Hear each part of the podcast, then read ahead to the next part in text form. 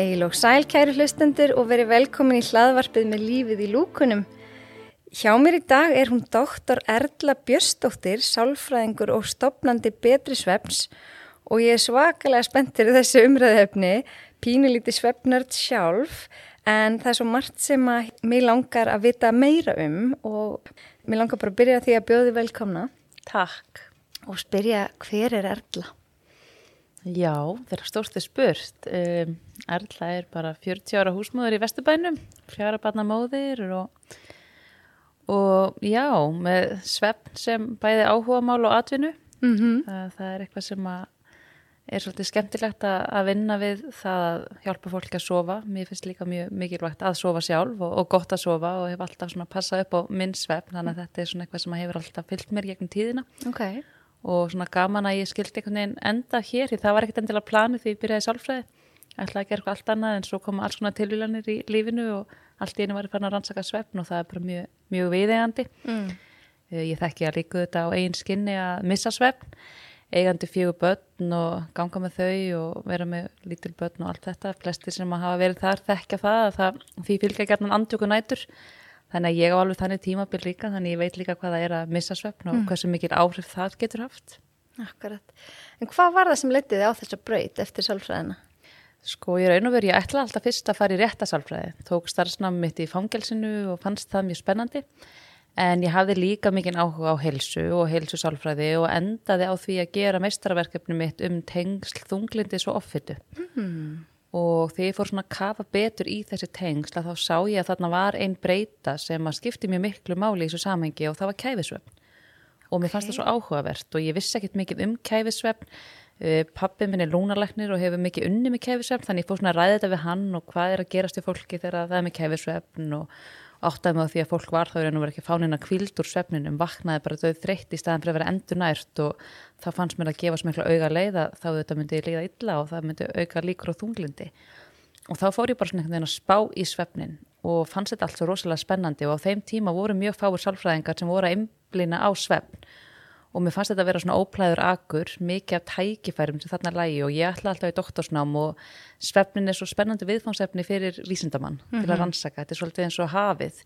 Það er svo lítið sem við vitum í raun og veru um þetta ástand, þetta er svo mistist við vitum margt en það er enn fleiri spurningum ósvarað og það er alltaf skemmtilegt þegar maður er að gera rannsóknir. Og svo þetta tengist svefn inn á flest andleg veikindi við erum að glíma við kvíða eða deburð eða áföll eða annað þá hefur það mjög gerðan áhrif á svefnin þannig að svefnin er svo mikilvægur liður í bara því að bæta andlega helsu og þess vegna fannst mér þetta svo mikilvægt fyrir mig sem þá nýjan sálfræðing að einblina á þetta. Þannig að ég raun og veru hef þá samband við Þórarin Gíslason eh, sem var þá starfandi yfirleiknir á Svefnil landsbytjarlands og var með umfóksmikla rannsóknir í gangi á kefisvefn á Íslandi og fer á hans fund og segja honum bara þessa stuttu sögu að ég hafi áhuga á þessu en viti sára lítið um svefn samt sem aður sem var í raun ótrúlegt að útskrifast sem mentaði sálfræðingur og hafa ekki fengið neina mentun um svefn og það er eitt af því sem ég finnst ennþá skrítið hvað er lítil áhersla á svefn í mentakerfinu bæði bara almennt og sérstaklega hjá heilbriðs starfsfólki en hann sá þarna tækifæri og ég hóf þá doktorsnámi mitt þar sem ég var að skoða í raun og veru tengsl svefnleysis og kæfisveps og svona áhrif á andlega líðan og lífsgæði og þar hófst þessi vekkferð og henni verið ekkit lokið síðan af því að það var alltaf bara áhugaverðara og áhugaverðara og, og svo fór ég að hafa svo mikið áhuga á með sveppleysinu, meðferð við sveppleysi við þessari hugræna atferðlismeðferð fór að áttum á því að við hér á Íslandi erum bara að nota svepplif algjörlega úr öllu hófi. Miklu meira en gengur að gerist annar staðar erum ekki að fylgja klíniskum leiðbenningum erum ekki að nota réttar lausnir og þarna fann ég svona ástriði sem ég verulega brann fyrir. Og já, það hefur bara svona leitt mig á þann stað sem ég er í dag í rauninni. Já. Hver er skilgreiningin á kæfisvefni? Fyrir þá sem ekki vita. Já, kæfisvefn er í raun og veru sjúkdómur sem að einkennist af svona öndun og tröflunum í svefni. Þannig að fólk er að hætta anda, endurtekið að öndun er verulega tröfluð. Það er meða við að öndunarlíði var í tíu sekundur eða lengur og þetta er að gerast kannski ítrekað yfir nóttina. Í dag er svona hann er flokkaður, alvarleiki hans er flokkaður eftir fjölda öndunarlíði á klukkustund. Þannig að ef þú ert að hætta að anda 15 sinni með oftar á klukkustund þá ertu með alvarlegan kæfisvefn en það er samt rosalega margt fleira sem skiptir máli heldur en bara hversu oft þú hættir að anda, líka hversu lengi hættir að anda í hvert skipti. Af því að þegar þessi öndunarklíja verða þá verður mikið falla á súrufnismettun í líkamannum og líkaminn fer að erfiða. Mm -hmm. við blóþyrstingur hækkar það er gríðalegt ála á hjart og æðakerfi líkaminn er bara að streða við að halda viðkomandi reynlega bara á lífi. Og þetta gerir það verkum að svepp gæði trublast verulega, eh, viðkomandi fær ekki djúpsvepp og vaknar í rauninu út keirður í staðin fyrir að vera út kvildur og þetta hefur síðan margvíslega áhrif á heilsu, líðan og lífskeiði og mjög mikilvægt að fara í svefn rannsókn ef að fólk hrítur því hrótur eru algengt enginni kæfisveps, háværa hrótur, óvær svefn og svona sifja á daginn og vakna þreyttur að ef þessi enginni eru til staðar og tala ekki um að viðkomundir í yfirþyngd því það er líka mikill áhættu þáttur og þá mæli ég með því að hafa sambandi heimilisleikni og fara í svefnrannsókn og kanna hvort að þetta getur mögulega verið til staðar mm -hmm. og fá þá viðjandi meðferð. Er kæfisvefn oftast lífstilstengtur sjúkdómur eða er það eh, líka meðfætt? Já, þetta er bæði. Þetta er bæði. Uh, svona um 70% kæfisöpsjúklinga eru í yfirþyngd, þannig að það er stæðsti áhættu þátturinn, en það er margt annað sem að skiptir máli, uh, til dæmis bara beinabygging, uh, kokið sjálf, hvernig er það, þröngt mm. kók, stór úfur, skekka í miðnesi, beinabygging andlits, þetta er allt þættir sem geta líka haft áhrif, genin skipta máli, hormónin skipta máli, konur virðast vera með svona ákveðin vendandi þátt fyrir kæfisöfni fram á tíðakörfum, sérilagi að það eru ekki yfirþyngd, en eftir tíðakvörfa þá aukast verulega uh, sagt, að tíðinni kefis sjá konum. Og það verist vera helst að prókasterón sé svona öndunar örfandi þannig okay. að það er svona verri konur fyrir kefisvefni að einhverju leiti mm -hmm. þannig að það er margt sem að getur valdið þessu. Og við erum oft með þessa staðalímit að það er svona feitur meðaldra karlmaður sem er með kefisvefn en það getur alveg verið unggrönn kona líka mm. og þá eru það aðri þættir sem er að valda því. Og þetta er mjög vangreint ástand svona þrýra hverjum fjórum sem að glíma við kæfisefni eru líklega ógreindir þannig að það er mjög mikilvægt að fara í rannsókn ef maður er með þessi enginni Þetta er áhagast En af hverju þurfum við að sofa? Já, við þurfum náttúrulega að sofa til að lifa. Í fyrsta lagi þá lifum við ekki án sveps við getum lifa lengur á næringar heldur en án sveps og svefnin er algjör forsenda þess að við líka bara séum heilsurhaust og við fungurum í okkar daglega lífi náum að sinna okkur verkefni með sóma. Uh, svefnin er gríðarlega virt ástand og þegar við skoðum svona tilgangsveps hvað er að gerast í líkam og heila þegar við sofum þá eru til dæmis frumur líkamanns að endur nýja sig. Við erum að losa út alls kon svona hérna, eitur og úrgangsefni bæðu líkam og heila. Heilin er svona eins og svampur hann bara mingar í ummálu á nóttinni þar sem hann er að losa sig við þennan úrgang og þessi losun eða hreinsun sem á sér stað er bara forsenda þess að heilin hrörn ekki og frætt. Mm. Þess að sjáu til dæmis að mikil sveppvandi eigur á heilarhörnun og eigur líkur á Alzheimer og fleira. Akkurat, ég heirt það. Já, svo er mikil viðgerastarðsemi, það er verið að gera við uh, í líkam á heila. Þannig að sveppnin er svona ástand enduníunar, uppbyggingar og viðgerðar í raun og veru. Mm -hmm. Og getur þú sagt okkur nánar frá þessum sveppnstegum sem við förum í gegnum á nóttunni og af hverju þau skipta öll máli? Já, við förum í gegnum nokkur mismunandi stegsveps á nóttinni og við byrjum á því að fara úr vökunir á fyrsta svepstig sem er mjög léttur svepn og við dveljum mjög skamma stund þar, kannski 23% af heilta nætusvefni og þetta er svona hálfgert millibils ástand sveps og vöku. Það er alveg einhver meðutundi staðar ennþá á fyrsta svepstigi. Þarna er í raun og veru bara líka með og sál að ná svona algjöru ró. Við erum að ná svona ró í tögakerfið og það má líka þessu bara við djúft slökunar ástand. Mm -hmm. Fólk sem að stundar djúpslökun og nær góðri slökun bara degið til, það sýnir sömu heilavirkni og við erum að sína á fyrsta sepstíði. Og ef einhver vekur okkur þarna upp eða pikkar í okkur, spyr hvort þau séum sopnuð, þá er mjög líklegt að við segjum nei. Af því eins og ég segi, við erum halvvakandi, halvsofandi í rauninni. Mm -hmm. Svo er það annars svepstig sem við erum um helming nætur á, sem er dýbri svefn en telst samt vera ennþá léttur svefn Þar erum við ekki með meðvitund. Þetta er talið vera svona mikilvægt sveppstig fyrir svona endurheimt og líkamleiri orku til dæmis. Stig þrjú og fjögur mynda saman djúpsvefnin sem er diffsti svefnin. Hann er ríkjandi fyrirpartnætur og hann er mjög mikilvægur. Mm. Sérstaklega fyrir börn og úlingar sem eru að vaks og þroskast. Við þarna eru þau að taka út stóran hluta af vextu og þroska. Til dæmis á úlingsaldri þá sér maður að framheilin, hann er að þroskast mjög hrætt og það er að gerast fyrst og fremst í svefni og þess vegna sjáum við það að vannsvefta úlingar eru oft með óþróskaðan framheila og framheilin stýrir skinnsemi og raukugsun og það er einn ástæða þess að vannsvefta úlingar sækja frekar í áhættuhauðun til dæmis. Það er margt fleira mikilvægt sem gerist í tjúpsvefni, þarna eru frumur líkamanns að endur nýja sig, þarna eru að lósa þessi eiturefni, þarna eru að fá kvildina og endurnæringuna sem við viljum auðvitað öll fá úr svefninum okkar. Mm -hmm. ef við fáum ekki nægan djúpsvefn þá fáum við ekki kvild og svo er það drömsvefnin sem er líka mjög mikilvægt svefstig og mjög svona sérstatt svefstig þetta kallast remsvefn á ennsku dreigð af rapid eye movement af því að þetta svefstig einkennist af svona hröðum aukreifingum og mjög mikil heilavirkni. Heilin er svipa virkur og bara þegar við erum vakandi þegar við erum í drömsvefni og þarna eru draumanir okkar svona mest lifandi en líka minn okkar, hann er hins vegar nánast alveg lamaður Þannig við getum ekki hreift hendur og fætur á þessu sveppstígi og það er talin vera svona leið náttúrunar til þess að hindra það að við séum ekki að leika út drauman okkar. Mm. Og draumsvefnin er mikilvæg fyrir margar sakir, til dæmis fyrir svona úrvinnslu tilfinninga, fyrir andlegt jafnvægi og líka fyrir minni og sérstaklega ákveðna tegund af minni sem að kallast operational memory eða svona færni minni þetta er í raun og veru þegar við erum að læra einhvers konar færni í daglegu lífi, hvort sem að það er íþróttir eða spila hljóðfæri eða eitthvað slíkt, að úrvinnsla úr svona færni, hún á sér stað í drömsvefni og við sjáum til dæmis að lítil börn, fyrstu tvö æfi árin, dvelja þau hlutvarslega mjög mikið í drömsvefni, að því þar eru þau á því æfiskeiðu, þau eru hvern einasta dag að læra einhverja færni sem þau þurfa að ná að tilenga sér og festa í minni, hvort yeah. sem að það er að skrýða, ganga, klifra, allt þetta. Mm -hmm og bæði draum og djúpsvefn er mjög mikilvæg fyrir minnið og svefnin er gríðarlega mikilvæg fyrir alla hugrana færni og það er svo margt sem er að gerast í heilanum þegar við sofum. Uh, við erum bæði í rauninni að flokka öll áreiti dagsins. Allt sem við heyrum, sjáum og lærum yfir daginn, heilin er bara sortir þessi áreiti. Hann er að færa upplýsingar úr skamtímaminni yfir í langtímaminni og það er líka svona ákveðin tiltækt í heilanum. Heilin er að taka til, hann er að losa út óþarfa upplýsingar, óþarfa áreiti og þannig býr heilin til pláss fyrir nýja þekkingu næsta dag. Mm -hmm. Þannig að þessi tiltækt sem ásir stað hver einstu nótt í heilanum er forsenda þess að við getum lært eitthvað nýtt. Þannig að ef við myndum hægt að sofa, eitt af því fyrsta sem myndi gerast er að við missum hæfileikan til að læra nýja hluti.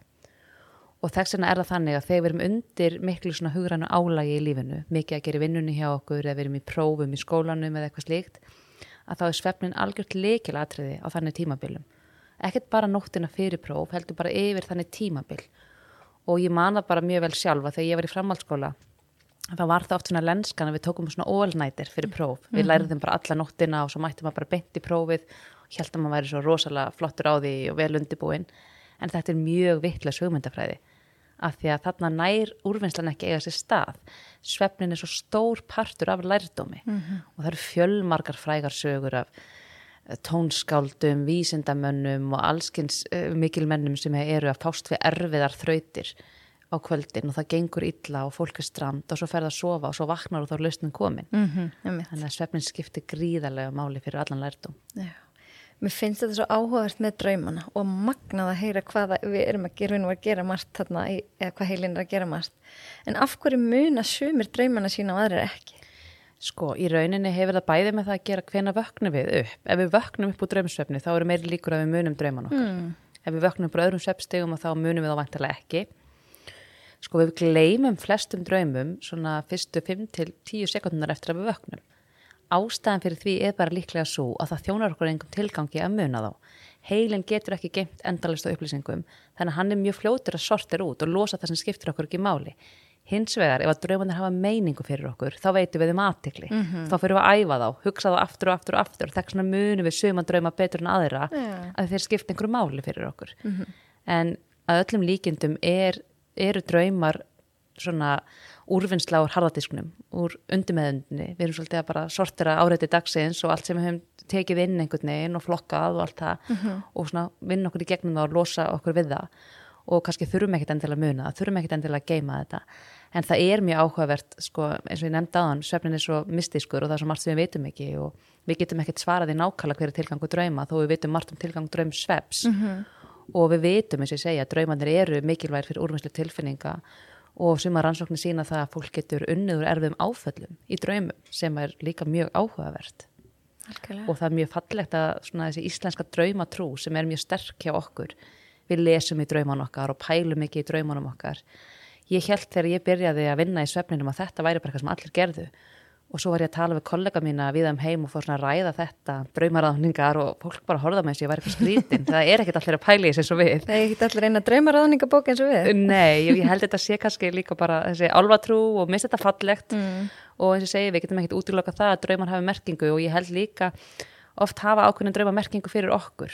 Uh, kannski ef, að, ef að við tengjum það að dreyma brotnar tennur við það að það séu erfileikar og þá kannski dreymir okkur það frekar þegar við erum myndar álægi það er erfið hjá okkur mm. þannig að mm. veist, það er ekkert að útiloka þetta og það er eitt af því sem er svo spennandi við vísindi Einmitt. En að því að þetta hérna hlaðvar snýst nú mest um heilsu hver eru helstu áhrif svefns á heilsu? Þú veist, þú er ekki búin að nefna eitthvað en svona ef að við sofum til dæmis ekki nóg hver, hver eru helstu áhrifin á almenna heilsu okkar? Já, svefnin hefur auðvitað gríðarlega viðtæk áhrif á helsu uh, og þetta eru auðvitað svona tvíækja sverð þegar maður horfir á samband sveps og helsu að því að sambandi virkar í báðar áttir. Mm -hmm. Ef við erum ekki helsu hraust þá hefur það áhrif á svefnin. Akkurat. Á móti kemur ef við svo mítla hefur það áhrif á helsuna. Mjög gott dæmi um þetta eru verkir. Ef við erum verkuð þá gefur það auðarleið að það er erfitt að sofa mm -hmm. en þegar við sofum ítla þá líka breytist sársökaskinnjun okkar. Sársöka þóli veru minna, sársöka þröskuldur lækkar og allir verkir magnast upp. Mm -hmm. Þannig að þarna myndist oft vítarhingur. Yeah.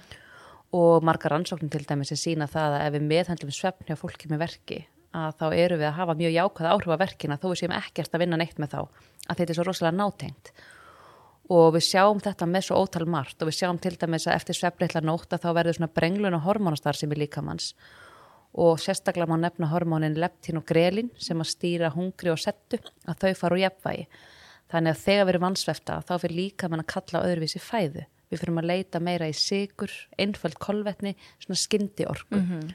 og hormónin sem að senda heilanum skilabóð þegar við höfum borða nóg að þau bælast. Þannig að við innbyrðum fleiri hitaeiningar rannsóknir sína það að einstaklingu sem vanur að sofa kannski 8 klukkutíma ef hann sefur 6 tíma þá er hann að innbyrða svona 400-500 auka heitæninga næsta dag. Og þess vegna kemur það ekkert óvart að það er mjög stert samband á milli þess að vera vansvefta og vera yfirþyngd. Mm. það er líka ójafæði sem kemst á sigurbúskapin þannig að við erum að auka hætt á sigursíki og það verður almennt svona aukin bólgumyndun í líkamannum þegar við erum vansvefta og við getum mælt þetta í blóðpröfu eftir eina nótt af litlum svefni þá getum við séð auknar bólgur í blóðpröfu næsta dag. Og ef þetta er viðvarandi ástand þá hefur þetta áhrif á þróun ímessa sjúkdóma, hjarta æða sjúkdóma krabbameina, heilarhörðunar og fleira. Mm -hmm. og ef við horfum á andlegu heilsuna þá er svolítið að sami på teiningnum þar að þetta er svona tvíækja sverð streyta, álag, andleg vanlíðan þetta eru algengir forverðar þess að við byrjum að sofa illa en þegar við erum vansvefta þá erum við í meira ójafæði tilfinningilega við erum viðkvamari, þráðurinn er stittri það þarf svona minna til að setja grúta læginu við erum ekki með jafngóðar varnir, eitthvað streytuvöldum og ef ástandið er viðvarandi þá erum við auka verulega líkur og ymsum andlegu veikindum og sérilegi kvíða á þunglendi mm -hmm. En að því ég spurði nú ekki nægursvefn hvað er nægursvefn? Ég veit þetta er misjönd eftir aldri. Já, þetta er misjönd eftir aldri og þetta er líka þetta einstaklingsbundið Uh, börn og úlingar þurfa lengri svefn heldur en fullornir. Úlingar þurfa 8-10 tíma, uh, yngri börn lengri svefn, fullornir þurfa langflestir að sofa 7-9 klukkustundir. Mm -hmm. uh, svona 90% af fólki. Það getur vel verið að einhverjir þurfi örlíti stittur eða örlíti lengri svefn, kannski af heilsufarslegum ástæðum eða tímabundið eða eitthvað slíkt, en fyrir langflesta er þetta 7-9 tímar. Þetta er alveg ágætt spil, þannig að við þurfum svolítið sjálf að finna hvar liggur okkar svefnþörf Margaðaransóknir benda til þess að konur þurfi almennt örliti lengri svefn, þar getur munað um hálftíma svona meðalsvefni. Þannig að það er mjög mikilvægt að hugsa um það, þú veist, hvenar líður mér best? Og oft er ágætt smæli hvað þið á það þegar maður fyrir frí. Og fyrstu dagana í frí þá segjum maður oft mikið að því að maður er í skuld og maður er að vinna það upp. En svo jafnast það út. Og hver, hvernig séf ég þegar ég bara get sjálf valiða, hvernig ég fyrir að sofa, hvernig ég vakna, hvernig líður mér best, hvernig er ég út kvilt og ég finna til dæmis mjög sjálf með sjálf að mig, ég er svona 8 tíma kona, maðurinn minn þar 7 tíma. Og ég finna alveg ef ég sef 7 tíma, þú veist, ég kemst alveg upp með það en mér langar að sofa aðeins meira. En ef ég sef 9 tíma þá er það líka mikið fyrir mig. Já, er hægt að sofa of mikið? Já, það er alveg hægt að gera það. Og of mikil svefnir heldur ekkert æskilegur. Og vegna þess að það getur hægt á efnaskiptunum. Og mm. það getur líka haft neikvæð áhrif á heilsu. Við vitum aðeins minna um afhverju, það er minna rannsakað. En þetta er eins og með svo margt annað í lífinu, þessi gullni meðalvegur sem verðist gilda sumir hins vegar þurfa mikinn svefn að því ég segi 79 tímar sem áviðum flesta en svo þetta kannski með einstakling sem er afræksíþórtamæður þá þarf hann lengri svefn því það er meira álag á líkamannum mm. alveg svo þú þarfst að næra þig meira þegar þú ert að hérna, æfa mikið, mm. þá þarfst líka meiri kvíld og meiri endurheimt og kannski fólki mikill líkamlega krefjandi vinna já, líka já, og þeir verður myndið kannski mjög miklu álagi og þeir verðum veik eða við fyrum í kulnun eða eitthvað slíkt, þá oft kalla líkamann á aukna kvíld og við þurfum að mhm. hlusta á líkamann og bregðast við því -hmm.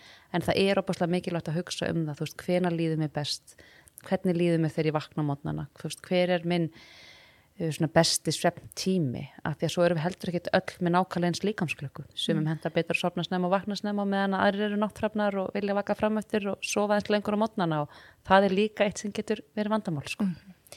Nú hefur orðið rosalega vitindavakning á svefni síðustu ár, en mér finnst það allavega.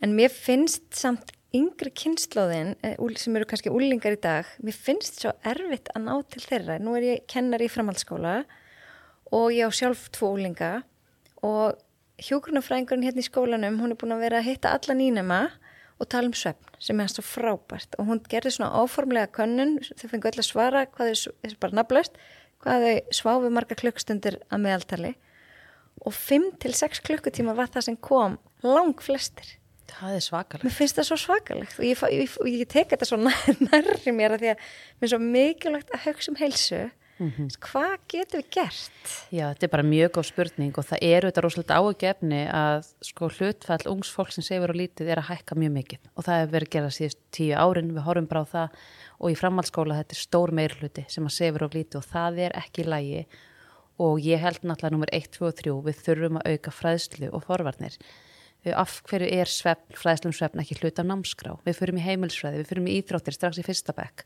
Við lærum um næringu, við lærum um hreyfingu. Mm -hmm. það er sárar í til fræðslum svefn. Og þegar við erum að ræða um svefn í úlingana þá skiptir líka svo miklu máli að ræða um afleðingar sem að snerta þau. Eru þau að stunda íþróttir? Fara þangað, þetta verður áhrif að árangunum þar. Áttaðu sig á því, eru þau að glíma við kvíða? Mm -hmm. áttaðu sig á því að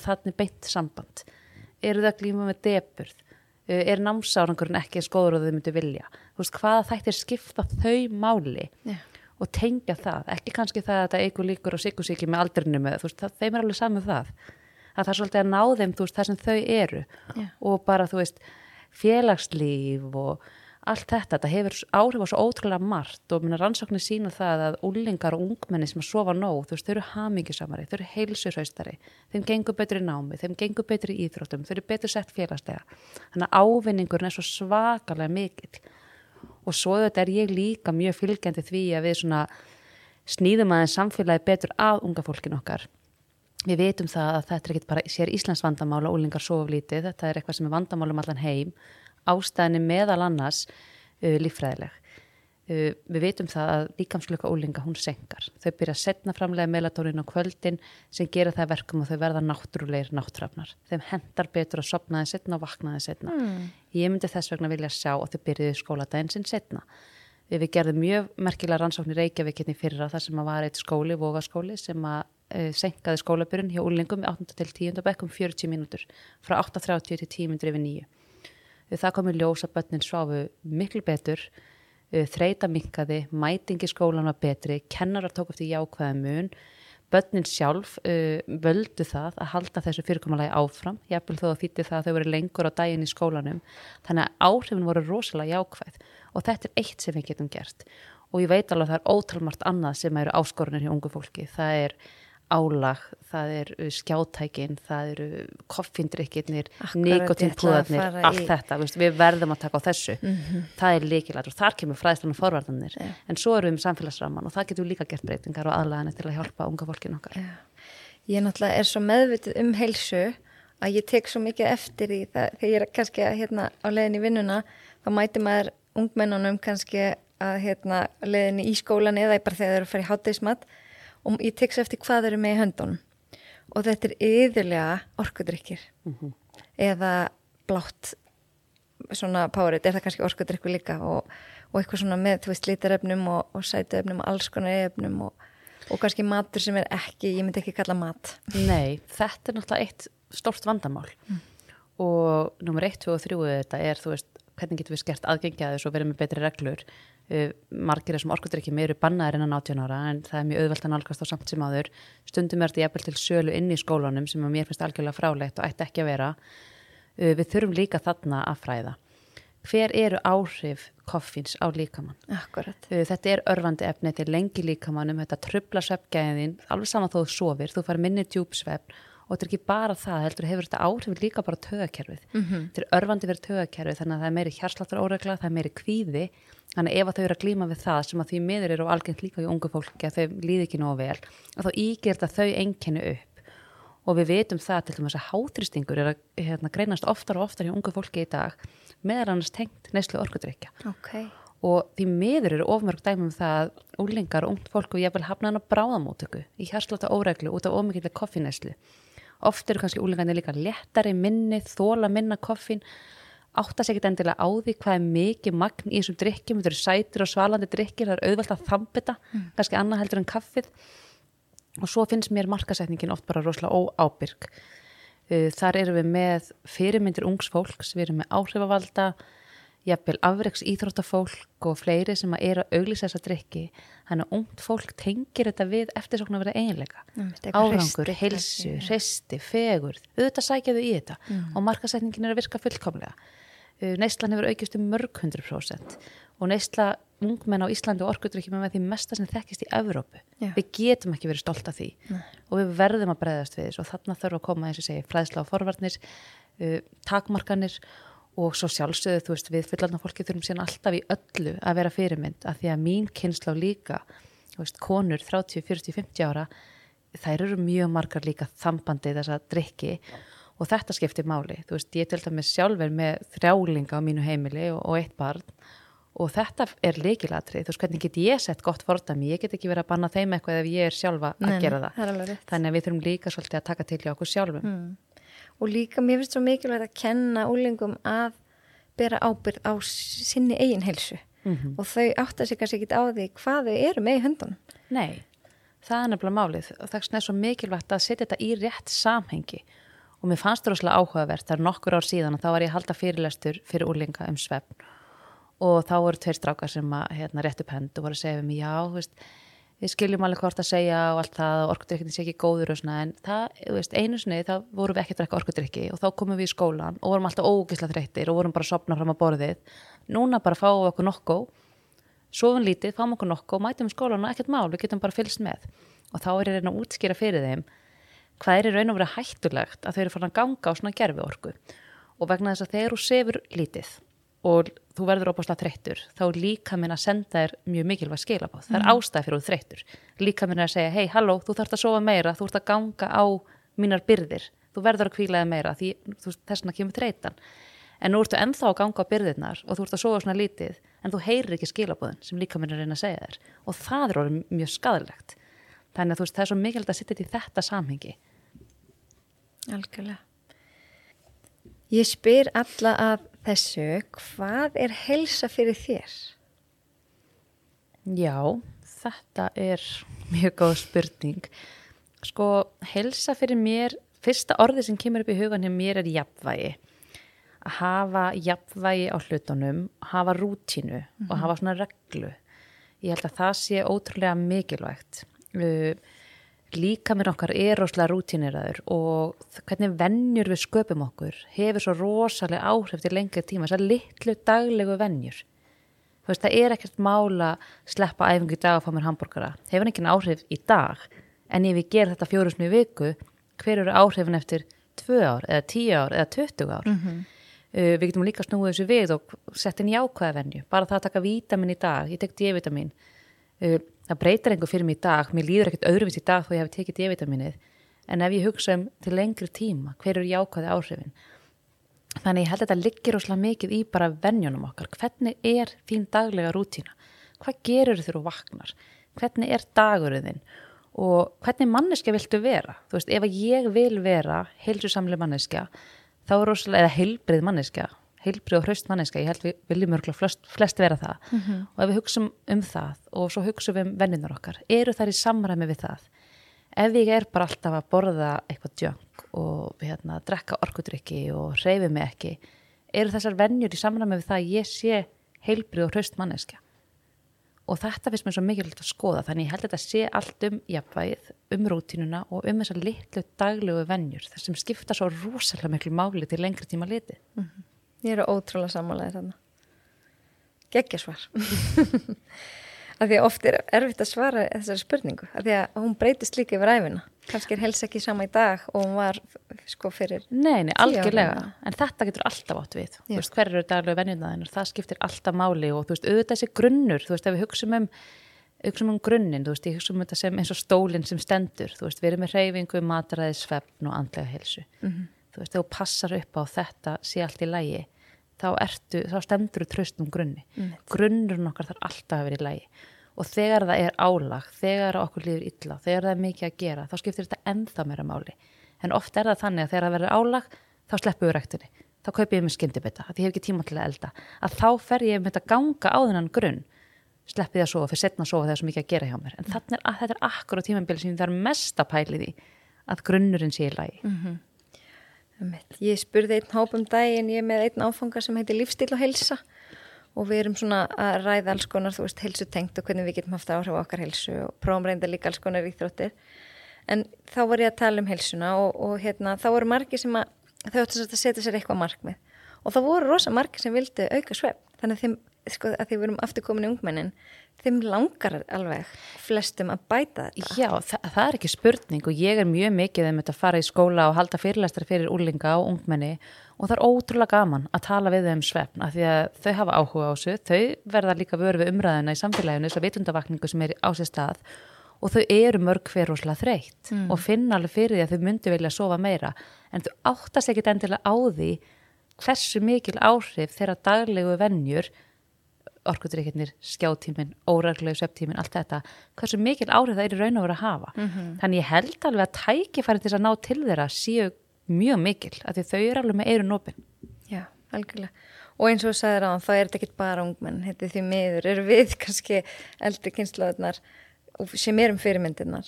Algjörlega og við þurfum svolítið bara að breyta hugafærinu almennt þegar það kemur að svefni. Ég er mjög ána með þessa vitundavakning sem hefur átt sér stað. Við erum ekki lengur að stæra okkur að þið svo að fjóru til fimm tíma. Það er ekkit langt sem við vorum að gera það. Þegar ég byrjaði að vinna í svefnun þá vorum við ennþá þar. Við tengdum það bara við dugnað og atorku að sofa lítið. En svo er svo áhugavert líka ef við skoðum bara svona hvernig tölum við um svefn við börn.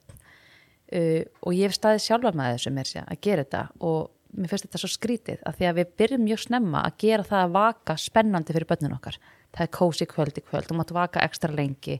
Áramótin, þau eru spennandi þá má ég vaka svo mikið. Mm. uh, mér sé að félagsmiðstöður eru að halda vökumarathon þar sem ólingar koma að vaka heila nótt og það er mest spennandi eventin yfir árið. En ef þú ert óþekk þá fyrir beint að sofa. Þannig við notum allt í einu svefnin sem einhvers konar refsingu. Og þannig eru að gera svefnin að einhverju neikvæði og leiðinlegu. Og mjög mörgum börnum finnst leiðild að sofa en vegna er svo mikilvægt að við tölum uppbyggilega um svefnin. Hvað svefnin er magnaður og hvað er margt mikilvægt að gerast og hvað hann er góður fyrir okkur og hvað okkur líður vel. Þú veist ég held bara þessu umræða á endanum mun hafa rosalega mikil áhrif ef við tölum jákvægt og uppbyggilega um þetta. Að þú veist að tala um bara að það væri talendugnaður að, að hérna sofa lítið þá man ég í bókinni hjá Matthew Walker þá var talað um að til dæmis einhverju frægir leðtóar Margaret Thatcher og einhverjir Já, Churchill og einhverjir- já, hefur verið að stæra sig að þessu. Og þau enduðu öll með Alzheimer, akkurat. Og það er alltaf komið betur og betur í ljós rannsóknir á akkurat svefni og heilanum og heilarhörnun og við sjáum til dæmis að þú veist kæfisvefn hefur mikil tengslu Alzheimer. Það er út af þessum súrefnis skorti sem ástir stað á nóttinni og skort á djúpsvefni, djúpsvefni er svo mikilvægur fyrir heilan, við líka verum að sofa lítið eða jafnvel ímis lif, til dæmis sveflif sem að mörg hver jafnvel þó þau hjálpa okkur að sofa þá draga þau samt úr gæðisveps og draga úr drömsvefni og djúpsvefni sem er mikilvægt í svefnin og þess vegna sjáum við að langvarði nótkunn svefli við eigur líka líkur og heilarhörnum síðar, á- síðar á æfinni. þannig að sveflif gera það einhvern tímann gagn eða, Já, þau geta alveg verið gagleg við svona skamvinnu og skyndilegu svefleysi. Ef við missum svefn vegna veikinda eða áfalla eða einhverju svona skyndilegra atvika í okkar lífi, þá geta sveflif alveg verið gagleg til að hjálpa okkur í gegn þannig tímabil. En samkvæmt klíniskum leiðbenningum þá eigum við ekki að nota sveflif lengur um fjórar vikur samfellt. ok, eftir fjórar vikur þá fara áhrifin að vera skadleg og því miður þá erum við að nota allt og mikið af seflum hérna á Íslandi og við erum að nota þau oft svo rámt. Fólk er að nota þau mjög lengi einu, marga mánuði, jafnvel mörg ár, stundum ára tugi og við erum líka ofta að nota svefli við langvarandi svefleysi. En þá er mikilvægt að fara frekar í hugrana atferðlismeðferð að því að sveflifin þau auðvitað bara bæla niður enkenni vandans, þau eru ekki uppræta vandan frá rótum. Og þegar að sveflisi er langvarandi þá er mjög mikilvægt að koma með heildarna nálgun og skoða lífstilstengda þætti, atferðli, hugsanir og fleira sem að er að viðhalda þessum vítaring sem fólk er statt í og kenna fólki leiðir til að öðla spetur svepp til lengri tíma. Og það er svo meðferð sem að bara allþjóð heilbreyðstofnin og klíniska leiðbenningar mæla með sem fyrstu lausn. En svo meðferð er ekki aðgengileg í hinn ofinbæra kerfi eins og einn á heilsugjastlinni þannig sem flestir leita með svefleysi okay. og það eru auðvitað vandamál og kannski eina ástæði þess að við notum svona mikið af sveflefim Þetta er fyrir að búið til svepsæðla í staðan fyrir reyfisæðla, eða svona, þú veist. Já, ekki spurning sko og við mitt, hérna, erum núna að fara í mjög spennandi verkefni með heilsugjæslunni að reyna að innleiða vefmeðferðina okkar hjá betri svefni. Við erum með svona meðferðin okkar vef þar sem fólk getur farið í svona rafræna meðferð.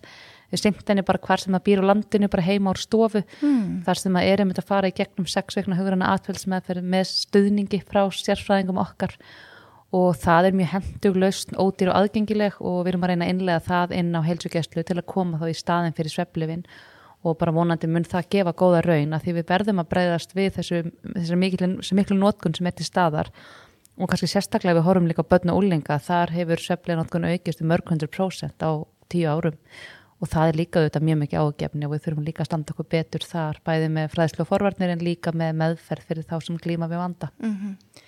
Þannig ef einhver sem er að hlusta hefur kannski verið að taka sveflif núna í einhverja ár, byrjaði kannski einhvern negin og svo bara getur fólk ekki hægt, er þá best, væri þá veist, þetta gott ráð að leita Já, uh, klárlega, við erum með hjá Beitri Svefni, erum með uh, nokkra tegundir af þessari meðferð, við erum með þessar rafrænu meðferð, við erum líka með hópmeðferðir, þar sem fólk hittist með hópi einstaklinga sem glíma við svefleysi undir handlistu sálfræðings einu sinni viku en hver og eitt fær samt einstaklingsmiða meðferð svo eru við líka auðvitað bara með einstaklingsmeðferð þar sem fólk heitir bara okkar sérfræðinga og hluti af meðferðinni er að hjálpa fólki að trappa niður söflif mm -hmm. og það yfirleitt gengur vel.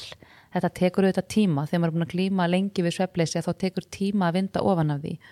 Og meðal tímin eru svona sex vikur sem að fólk er hjá okkur. En ef að fólk er tilbúið að gera þær breytingar sem þarf að gera á lífstíl og rútínu og vennjum og fleiru að þá er árangurinn nefnilegt mjög góður. Mm -hmm. En ég fæ svo oft spurningavarandi sko þeir sem er í vaktavinnu að það er náttúrulega mjög erfitt oft að búa sér til rútínu á svefni. Ertu með einhver góð ráð fyrir þá sem er að vinna nætuvaktir og dagvaktir og kvöldvaktir? Já, við vitum auðvitað alveg að svefnandi er algengar hjá þeim sem að vinna vaktavinnu. Uh, óregla á svefnminstri er áhættu þáttur fyrir svefnvanda þannig að svepplifanótkun er meiri, uh, dagsefi meiri og sveppleysi algengara.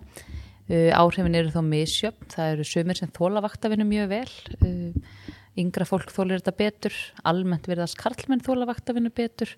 Og þeir sem eru svona náttrafnar, þessar B-týpur, þær verðast líka þóla vaktavinu betur. En það er alveg ímislegt sem við getum gert til að lámarka neikvæð áhrif bæði skipti máli hvernig er bara fyrirkomulega vakta. Það eh, er kannski eitthvað sem við sjálf ráðum ekki meira okkar vinnuveitendur en það er æskilegt að vaktir breytist með líkamsklukkunni. Þannig að við förum frá morgumvakt yfir á kvöldvakt og kvöldvakt yfir á nætuvakt mm -hmm. þannig að við breytumst í, í þá áttina og það sé regla á vaktafyrirkomulagi og fyrirsjáanleiki. Þannig að við sjáum langt fram í tíman hvernig eru við að eh, vinna og við getum þá uh, forgangsraða svefninum sérstaklega þegar við erum bæði í fríi og þegar við erum á dagvöktum við kannski vitum það að það eru helst nætuvaktinnar sem að skemma svefnin okkar. Mm -hmm. og þess vegna er svo rosalega mikilvægt að leggja ofur áherslu á svefnin þegar við erum ekki á nætuvöktum og þegar við erum á nætuvöktum að reyna að gera allt sem við getum til þess að lámarka skadalegu áhrifin. Og þar er margt sem skiptir máli.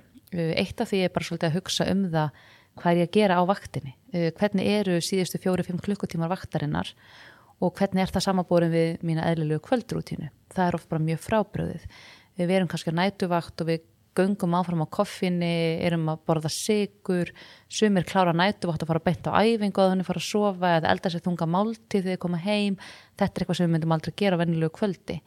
Uh, þess vegna er mjög mikilvægt að spyrja sjálfan sig að því hvernig get ég reynda innleiða hluta af minni kvöldrútínu inn í setnipart vaktarinnar. Til dæmis með því að sleppa koffinni setniluta vaktar, mm -hmm. ekki vera að borða sigur, ekki reyfa mig beint eftir vaktina, heldur reyna að keira líka maður niður í einhvers konar ró. Uh, og líka skipti málu þetta, þú veist, þegar við komum heim hvernig eru aðstæðu til að sofa? Eru við með uh, erum við búin að tryggja það að það sé ekki tröflana frá umhverfu okkar, síminn sé á silent, við séum með gott myrkur, það sé ekkert sem tröflar okkur, þannig að við séum að líka eftir nætur umhverfinu. Ef við erum að keira heim eða lappa heim eftir uh, nætuvakt að vera það með solgleru og sumrin þannig að við séum að fá sem minnsta byrtu að því við viljum hafa myrkur rétt fyrir svefn, byrtu þegar við vöknum að því það hefur áhrif að melantónin. Mm. Þannig að það eru ýmsir svona þættir sem hægt er að vinna með og maður byrjar í raun og veru alltaf þegar maður er að vinna með vaktafinu fólki að reyna að búa til ákveðna reglu úr óreglunni veist, þegar ég vinn nætuvaktir þá ger ég eftirfærandi hluti þegar ég er á kvöldvaktum þá er þetta rútina mín og svo erum við öll mjög misjöfn og það er mjög einstaklingsbundið hvað hendar hverjum og einum. Til dæmis hendar sumum mjög vel að leggja sig stutt fyrir nætuvakt veist, fyrir vakt, meðan fyrir aðra hendar það alls ekki. Mm -hmm. þú veist þannig að maður þarf líka svolítið að prófa sig áfram. Hvað hendar fyrir mig?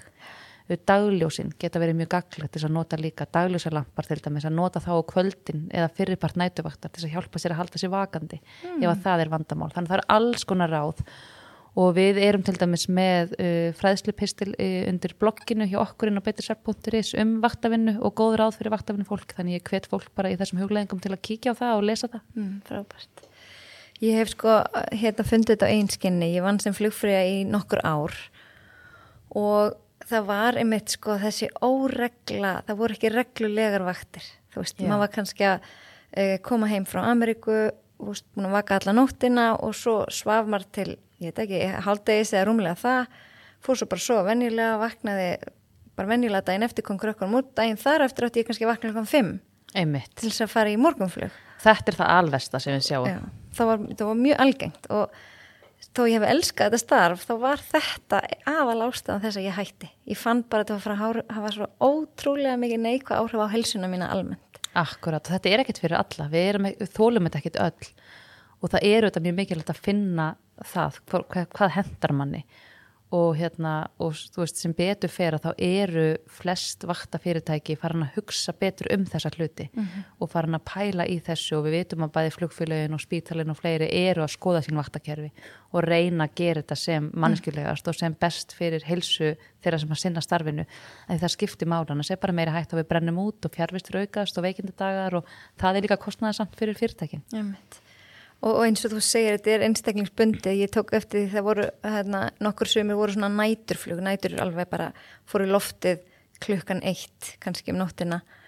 Flugum til Evrópu og tilbaka og þá maður var farin að sofa aftur klukkan 10-11 morgun eftir. Þetta voru svona verstu, erfiðustu flugin fannst þið mér. Einmitt. en svo var önnu sem var að vinna með mér, hún sagði að þetta voru uppáhaldsflugin hennar. Já, þannig að þetta er bara, þetta er svo misjönd Þetta er svo ótrúlega misjáft og hérna, sem betur fer þá eru við ekki öll eins og sem betur fer er fólk sem sækir í vaktavinnu og bara pluma sér rosalega vel þar og maður er þakkláttur fyrir það að því að svo eru fyrir okkur svona A-típunar að þá einhvern veginn er þetta bara miklu erfiðara. Mm -hmm. Ég þurfti alveg að leggja mig í þrjá klukkutíma fyrir svona nætufölu. Já, einmitt, ég trúi því. Ég fór bara að sofa og vakna þú veist klukkan 11 eða eitthvað og svo, svo er það líka bara eitt af því sem gerist með aldrunum eftir því sem við eldumst þá verður öll svona aðlunarhæfni okkar erfiðari þegar mm -hmm. kemur að svefni. Mm -hmm. við þólum ver að missa svefn. Við þólum ver að fljúi við mörg tímabelti og allt þetta. Og þetta finnum maður, þetta er ekki bara þegar við orðin eitthvað gömul, maður finnur þetta strax bara það munur að því verða 30 og 30 það mhm. munur að verða 30 og 40 og ég til dæmis egnaðist eh, hérna, elsta sónminn þá er ég bara rúmlega 20 og það að vakna nóttinni og gefa brjóst þetta var ekkert mál svo bara rúmum tíu árum setna því eignast yngstasvon minn það var bara strax miklu erfiðar þó ég var ennþá kott nung mm -hmm. þannig að þetta er líka eitt af því sem við sjáum í vaktavinnuna það er ekki þannig að því lengur sem við vinnum vaktavinnu því auðveldar verður það það er eiginlega öfugt eftir því sem við vinnum lengur þegar eldri verður við og því erfiðar verður það mm -hmm. þannig að eldra fólk ætti kannski að hafa meiri sveigjanleika að taka minna af nætuvöktum og ég er mjög hlind því að við sínum meiri sveianleika þar sem að eru vaktir að leifa þá frekar yngra fólki að spreita sig á þessum erfiðu vöktum því þau þóla þeir vilt betur. Mm -hmm. En varðandi melatonín, að því að þú, þú nefndi það áðan, væri til að útskýra hvað melatonín er og líka afhverju það er svona að skipta skoðanir á nótkunn intöku melatonins? Já, sko melatonín er hormón sem við framleiðum náttúrulega og það er uh, byrta sem stýrir framlegsla á melantóninni. Þannig að þegar það fyrir að dimma þá ekst framlegsla melatónins í blóðinu á kvöldin og þetta veldur sifji og hjálpar okkur að sopna og síðan þegar við fáum dagsbyrtu á mótnana þá temprast melantóninnið, orkan ekst og auðveldar að verður að vakna. Uh, það er ekki bara dagsbyrta sem stýrir þessu hormóni því rauninni er það öll byrta í umhverfi okkar. Sérstaklega er það svona blábyrta og blábyrta er hlutvarslega mikil í dagsbyrtu en líka til dæmis í skjábyrtunni Mhm. og það er svona ein ástæða þess að við mælum ekki með skjánótkun sent á kvöldin. Það er byrtan frá tækjónum en líka bara örfunin og áreitið sem fylgir skjánótkun. Uh, þannig að þannig virkar framleyslan á melantóninni og þess vegna er best fyrir okkur að hafa myrkur á kvöldin og byrtu á mótnana. Það er orðið mjög vinsælt að nota melantónin sem fæðubóta efni eða sem einhvers konar svefn meðal og það eru skipta skoðanar á því. Uh, Bæði vegna þess að það er bara mjög lítið rannsakað hver eru áhrif langtíma notkunar á melantóninni. Við höfum ekki, eigum ekki langtíma rannsóknir á þessu. Við erum að nota þetta mjög mikið fyrir börn. Uh, Lefið sirkadín sem er mikið skrifað út fyrir börn ef maður bara les uh, fylgisegil þess lifs að þá er þetta lif ætla fólki 55 ára og eldra að því að hjá eldra fólki þá dregur oft úr eigin framleyslu á melantóninni og þá getur þurft að taka melantónin inn mm. einni hjá konum eftir breytingaskeið þá minkar oft magn melantónins þá getur við þurft að nota melantónin en hver eru áhrif þess að taka inn hormón á bara aðra hormónaframleyslu líkamannum við höfum séð vísbendingar úr dýrarannsóknum að þetta geti haft áhrif á aðra framlegslu til dæmis á kynhormón, sérstaklega á kvendýrum og þá á frjósemi. Þannig að að nota melatonin að staðaldri uh, fyrir ungt fólk, fyrir börn, uh, stelpur sem er eftir að fara batningunaraldur, það er eitthvað sem vægtum að fara varlega í. Það er alltaf best að fá náttúrulegan svefn, uh, að geta nota melatonin tímabundið, uh, ætti alveg að vera frekar saklaust, allavega höfum ekki rannsóknir sem sína annað en sem komið er að minnstakosti en melatonin er samt sem aður í rauninni ekki svepplif, melatonin hefur rosalega lítil áhrif á gæði sveps eða eitthvað slíkt melatonin er meira lif sem að stillir af líkamsklökkun okkar. Þannig að til dæmis fyrir vaktafinu fólk. Þá getur hjálpa til að taka melatonin eftir nætuvakt til þess að líka eftir eðlir kvöldrútinu, hjálpa mann að sopna ef maður er að fljúa um mörg tímabelti ég til dæmis hef sjálfnóta melatonin ef ég er að til Ameríku eða Asju og ég er að vinna og ég þarf að mæta daginn eftir til að geta unnið og þarf að ná að sopna þá kannski nota ég melatonin fyrstu tvo dagana til að stilla líkamslukkuna af því það er hugsa sem það sem þannig lif, úlingar sem hafa snúið sólarhengnum við, að nota melatonin einhverja daga til að rétta taktin af getur verið gaglegt en að nota það staðaldri sem, sem einhvers konar svepplif, uh, við ættum að fara varlega í það og almennt að því að þetta er svo mikið notað eins og hjá börnum og svona það sem er svo mikilvægt að hugsa um ef að börn sofa illa eða fullarnir hver sem það er sem sefur illa af hverju sofum við illa hvað er að valda því við getum ekki sofið? Er það streyta, er það álag? Er það lífstílinn, hvað er það? Þurfum við ekki að gera einhverja breytingar. Þurfum við ekki að gera eitthvað til að bæta svefnin en ekki alltaf vera að leita einhverjum plásturum til að bæla einhver enkenni að því ef við ætlum að fá árangur til lengri tíma þá verðum við líka ráðast í þá vinnu að, að breyta taktinum og breyta rútinunni og, og sem lífstil steindu þáttum. Einmitt. En ég veit að einstaklingar með ADHD eiga oft ofbáðslega erut með að sofna. Mhm. Og ég þekki það bara ein reynslu að hérna, svonu minn hérna, hann tekur alveg stundum melatonin, ég veit Mhm. ekki mm það en, en svona bara veist, 1 milligram. Mhm. og það er svo mikil munur á honum. Ef hann, ef hann gleymir, ef hann tekur það ekki þá sé ég bara, þá er hann bara upp í rúmi 2-3 tíma. Algjörlega. Að og auðvitað, auðvitað getum við verið með einstaklingar sem að þurfa einhvers konar aðstóð einstaklingar sem að eru með, með mikið ADHD eru á einhverju róminu eða eitthvað slíkt og virkilega þurfa einhverja aðstóð til þess að geta hjálpa sér að sofna. Það sem ég segi alltaf sko, byrjað á því að taka til í öllum venjum og, og lífstilstengdum þáttum og allt það, ef að það er allt komið í lag, þú veist, það er regla rútína skjánótkunin, sigurneislan, koffinin ef þetta er búið að taka á þessu öllu og þetta er samt ennþá erfitt að þá eru þetta betra að taka inn einhvers konar lif og sérstaklega náttúrulega lif eins og melantónin og ná svefni heldur en það að vera sveflaus og ég segi það alltaf líka með hinn sveflifin eins og ímávan og stilnótt og svona sem að eru að mínu mati svona frekar mikið eitur ef við notum til lengri tíma. Það er samt betra að taka lif og sofa heldur en sofa ekki neitt ef að það eru valkostarnir sem við höfum. Og þannig sem ég segjum að það bara vera meðvitaður um alla livjatöku þú veist, er ég alveg öruglega búin að gera það sem ég get til að hjálpa viðkomandi að sofa ánlifja og þegar svo er að þetta er líka oft kannski við fóldrarnir sem höfum kannski ekki tíma til að takast á við áskoranir eða það er auðveldar að taka en hitt. Og, og svo kannski virka lifinni x tíma, svo myndum við þól þurfum að stekka skamt, þannig að þetta getur undið upp á sig, en ég veit það alveg að auðvitað eru einstaklingar sem þurfa á lifjum að halda og ég er alls ekki að halda því fram að allir geti sofið án lifja, alls ekki. Nei, en ég hef alveg verið í innri baráttu við sjálfa mig, þú veist, sem móðir, þú veist, en svo sést þetta bara svo augljóslega.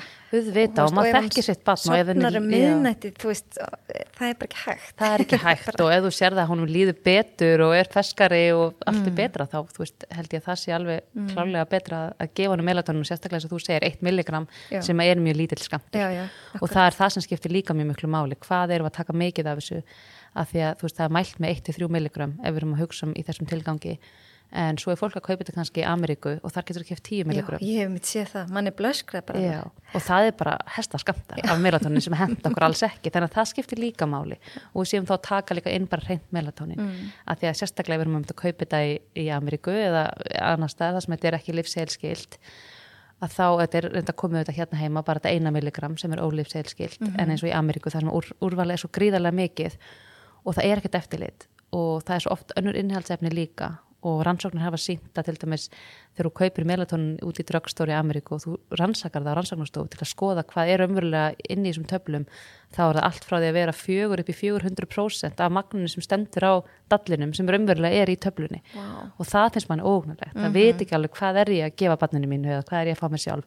Þannig að veist, það er allt annað að þú ert að fá þetta frá lækunum eða þú ert bara að nota 1 milligram af einhverju sem veist að er reynd melantónin Þannig er lifi eftirliti í bandarækjum bara ekki að fylgjast með þessu? Nei, er, nei, þetta er ekki eftirlit skilt Akkurat og það er náttúrulega líka til bara ótrúlegt magna af einhverju svona nækvill og öllu þessu með einhverju svona svefn algjörlega. og svo er það náttúrulega bara svona gummibánsar þú veist melatonin gummibánsar og það er náttúrulega komið því miður allt og mörg tilvík þar sem að börn hafa komist í og fengið eitranir og annað. Mm -hmm. bara, veist, þetta er bara eins og namipóki þannig að, hérna, þannig að já, þannig að við þurfum bara að fara varlega í livjanótkun, hún getur að sjálfsög að drekta sér í svömmun tilveikum algjörlega en þetta er ekki, ekki bara einhvern lausni fyrir alla, Nei. eins og allir þurfa að taka D-vitamin, allir þurfa að taka melantónin. Það var svolítið mín tilfinning fyrir því að umræðan væri komin á okay. á sínum tíma. Mm -hmm. Nei, ég bara því að þessi umræða kom einhvern tíman upp og ég fór líka á ráðstefnina hjá ykkur hérna í hvernig var hann í COVID? Nei, eftir COVID. Já, er mitt, frestaðist endalust og, hérna, og þá, veist, maður fær alls konar upplýsingar en, en þá fekk ég mitt svolítið bara svona og er ég léleg móðir að gefa barninu mínu melatóni, þú veist, maður fær stundum svolítið þannig tilfinningu, en ég, svo veit maður sjálfur bara betur. Maður, maður veit best sjálfur og það er alls ekki tilgangurinn þegar maður er að ræða þetta að mm. koma inn einhverju samverskupiti og fólki og heldur ekki fólki sem er að nota svepplif, af því að ég veit það bara að það að vera svepplaus er ótrúlega erfitt og fólk gerir allt sem það getur til þess að finna lausnir. Og oft er það orðið örvantinga fullt og oft er það bara svepplifin eina lausnin sem það hefur og þannig að þú veist það er alls ekki þannig að ég vilja að fólki líði illa að fá samanskapið yfir því heldur sem meira það að maður bara svona hugsi um það.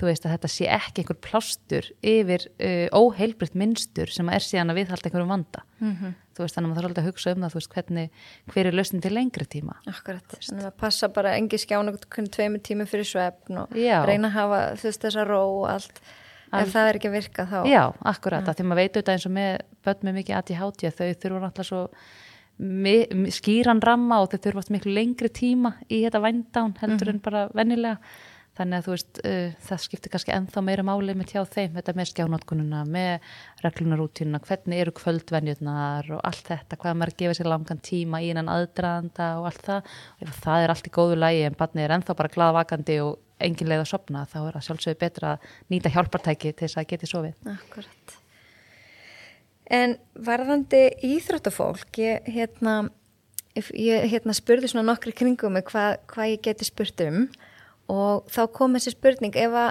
ef að hérna, bæði úlingar og fullarinnir eru að æfa mjög sent á kvöldin og koma heim og ég kannski eftir að borða, eftir að fara styrst og eftir að ná sér niður og þá er oft svolítið erfitt að sopna Já, það er alveg rétt. Það er ekkit æskilegt að vera að æfa mikið sent á kvöldin, rétt fyrir svefn.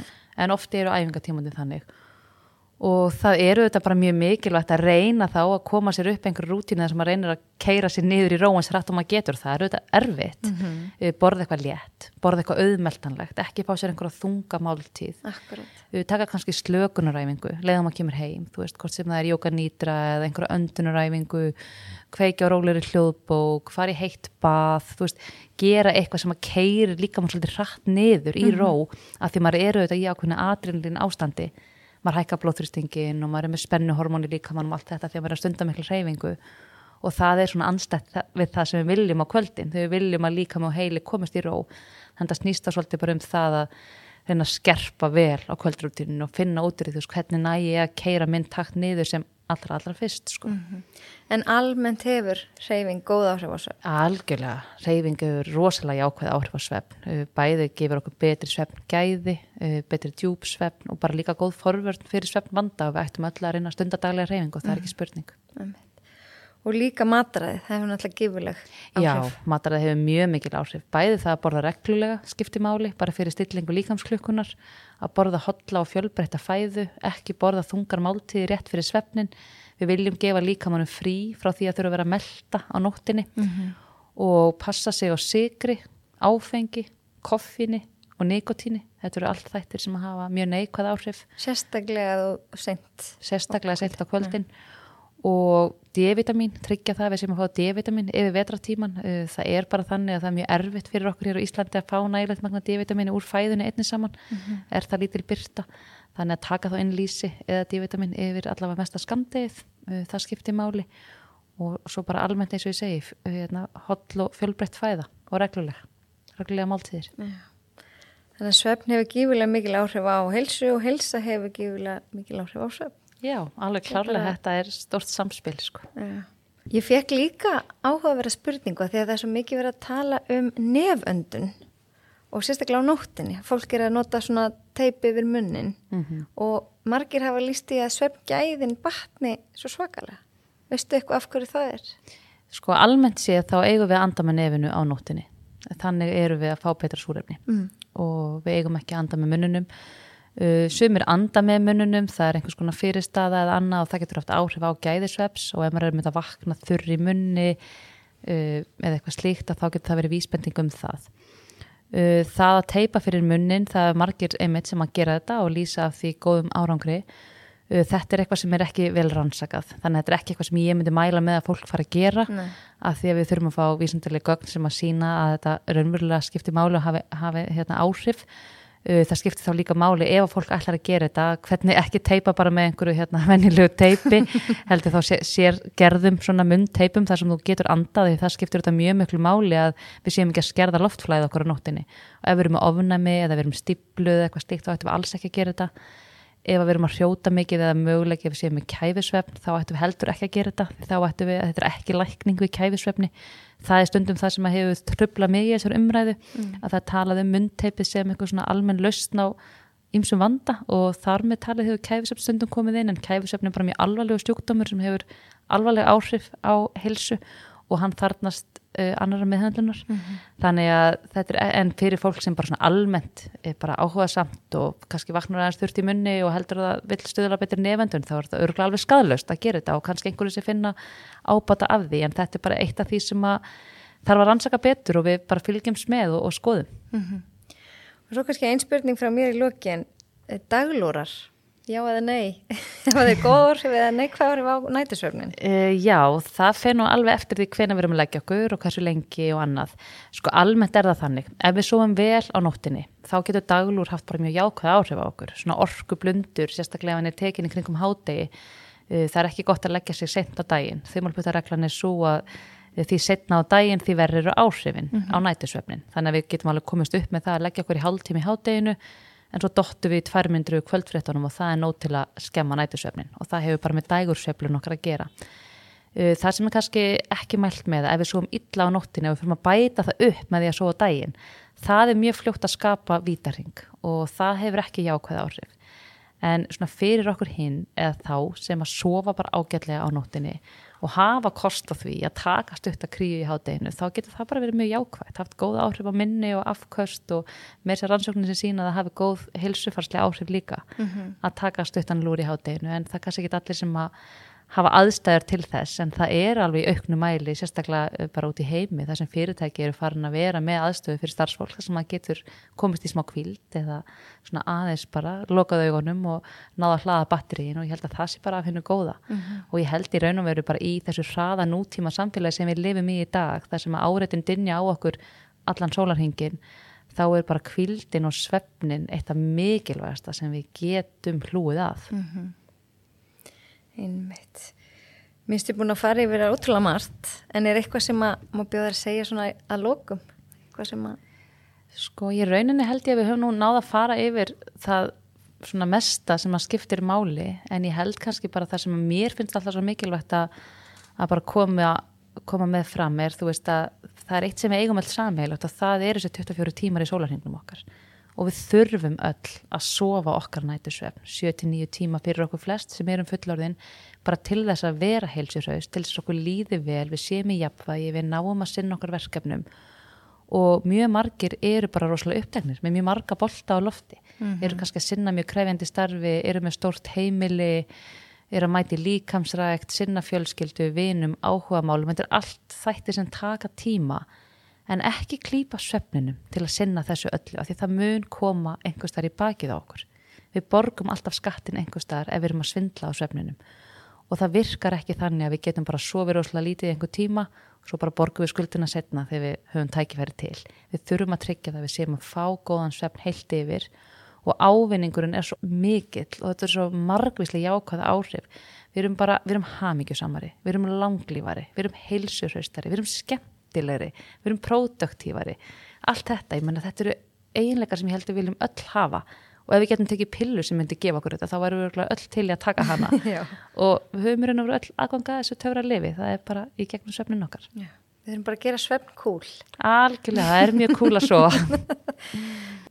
Þú veist, sem er virðast þurfa minni svefn en það er kannski ekki þannig Nei, sko í raun og veru, þú veist, samkvæmt svona bara rannsóknum og þá talað um að það sé kannski svona 3% mannkinn sem eru með ákvæmna genasamsetningu sem er svona svo kallar short sleepers sem að geta sofið uh, undir 6 tímum án þess að það hafi neikvað helsufarslega áhrif.